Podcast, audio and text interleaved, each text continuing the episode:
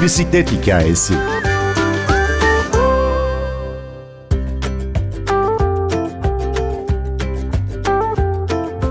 Bisikletli anne Emel Sali birkaç yıl önce bir bisiklet hikayesi için konuştuğumuzda İstanbul'da oğlunu kreşe götürmek amacıyla başlayan bisikletli hayatını anlatmıştı. Emel Hanım'ın oğlu büyüdü ve bu kez anlatacak çok daha fazla hikaye var. Ben Günür Öztürk Yener, bir bisiklet hikayesi başlıyor. Ben oğlumu anaokuluna bisikletle götürmeye karar verdiğimde bisiklet almıştım. Okul yollarındaki hikayelerimiz çok güzel ve ilginç, değişikti. Ama şimdi benim oğlum büyüdü.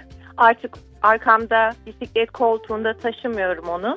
11 yaşını doldurmasına çok az kaldı ve trafik kanununda ona verilen trafikte bisiklet kullanma hakkına erişmek üzere. Tabii bu dönem içinde birçok şey öğrendi. Öncelikle kuralları öğrendi, haklarını öğrendi. Trafik yolunda bisiklet yolu olmasa da yolun sağ tarafından gidebileceğini öğrendi ve trafikte bisikletlilerin öncelik hakkı, yayalardan sonra öncelik hakkı olduğunu çok iyi biliyor. Tabii bu kurallara uymayan araç sürücülerinin çok farkında. Bazen sohbet ediyoruz işte kırmızı ışıkta durmamız gerektiğini, işte yanımızda durmayıp geçen motosikletler hakkında konuşuyoruz. Tabii yine kırmızı ışıkta durup ona yol vermesi gereken araçlardan bahsediyoruz. Evet böyle sürücüler var ve o yolda olması gerektiğini bilmeyen araç sürücüleri var. Bu çocuğun bu yolda ne işi var dediği zaman bir araç sürücüsü o o yolda ne işi olduğunu gayet biliyor. Kurallarını, haklarını, ne yapması gerektiğini, araç sürücüleriyle aynı cezalara çarptırılacağını, bir kural ihlalinde bisikletli sürücü olarak da ceza yiyebileceğini biliyor. Böyle sohbetlerimiz oluyor. Çok bilinçli ve farkında. Şu ana kadar tek başına yola çıkmadı ama artık onun da yolda bisikletiyle tek başına sürme hakkı var. Bu konuda çok rahatım, çok bilgili ve bilinçli olduğunu düşünüyorum ama tabii etraftaki sürücülere de ne kadar dikkat etmesi gerektiğini her seferinde uyarıyorum. Biz bisikleti seviyoruz. Bisikleti, yaşamı, bisikletle bir yere ulaşmayı hayatımızı kolaylaştırıyor bisikletli yaşamın kolaylığını fark eden birçok insan, birçok kadın, birçok çocuklu anne zaten bunu hayatından çıkarmıyor. Keşke daha önce yapsaymışız diyor ki 7 yıl 8 yıl öncesine göre şu anda birçok bisikletli anne olduğunu biliyorum ve çoğalacağına inanıyorum. Ben çocuklara da arkadaşlarımın çocuklarına da bisiklet kullanmayı öğrettim. Hep şey derlerdi bana oğlunuz ne kadar şanslı. 4 yaşında iki tekerlek öğrenmiş. Ne kadar güzel bir annesi var. Ben de şey diyordum. Siz de öğrenebilirsiniz. Bisikletin yaşı yok. Hatta geçenlerde 55 yaşında bir teyze öğrendi. Ona yardım ettim. Seviyoruz biz bisikleti. Emel Hanım, birçoğumuz Buyurun. İstanbul trafiğine tek başımıza bisikletle çıkmaya korkarken, tereddüt ederken siz oğlunu kreşe, İstanbul trafiğine girerek bisikletle götürüp getirmiş, yıllar boyunca bunu bir ulaşım aracı olarak kullanmış bir bisikletli annesiniz.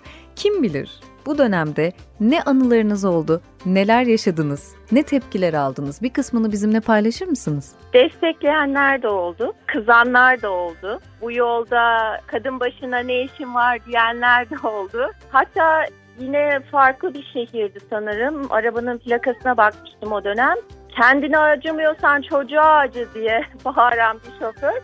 Ben dönüp bakmayınca, cevap vermeyince yabancı galiba bu deyip uğraşmaktan vazgeçmişti.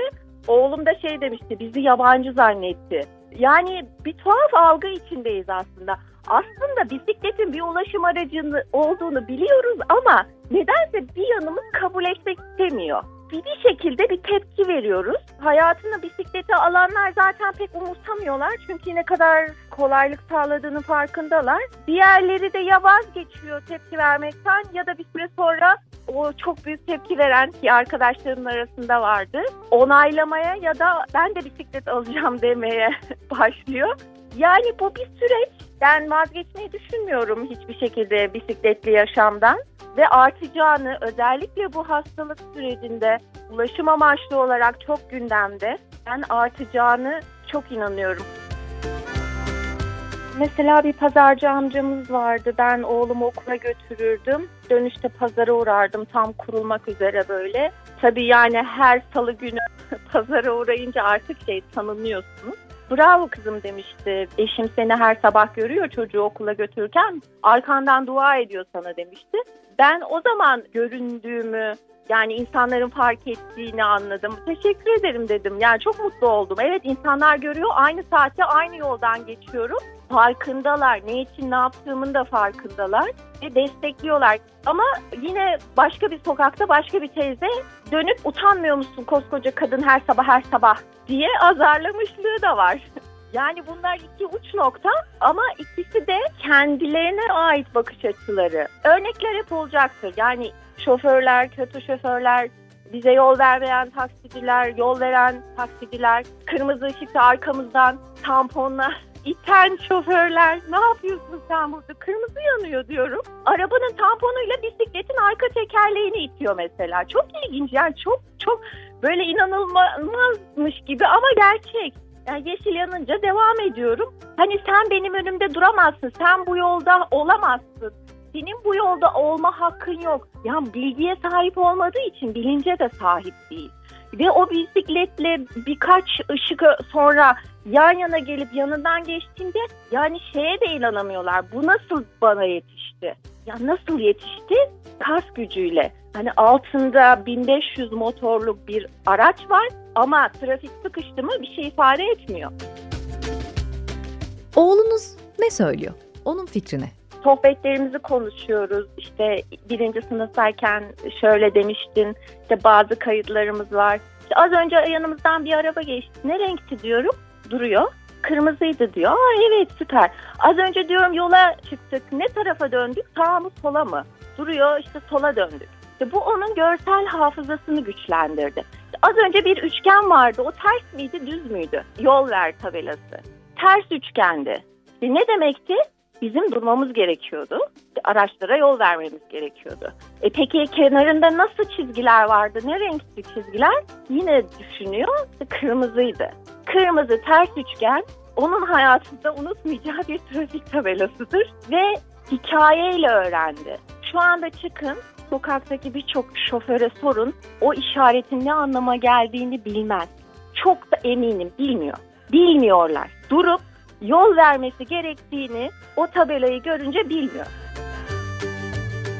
Emel Hanım, elbette ki çocukları bir yerden bir yere götüren sadece anneler değil.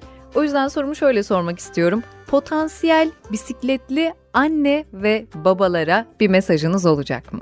Çocuğunuzu kucağınıza alıp yolun sağından nasıl yürüyebiliyorsanız bisikletle de çocuğunuzu arka koltuğa oturup güvenlik önlemlerini alıp kaskını takıp çok rahat bir şekilde trafiğin akışında bisiklet kullanabilirsiniz. Ve bunu yaparken ve yapan anneler ve hikayeleri biliyorum. Hayatınızın ne kadar kolaylaştığını, ayrıca aldığınız, verdiğiniz, taşıdığınız yükleri bisiklet size ne kadar destek sağladığını, ne kadar zaman kazandığınızı anlayacaksınız.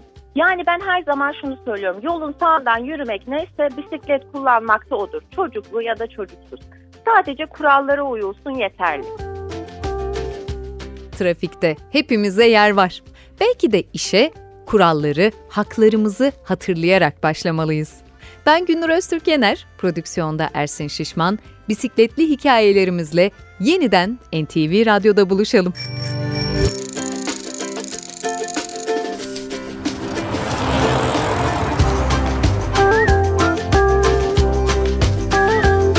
Bir bisiklet hikayesi.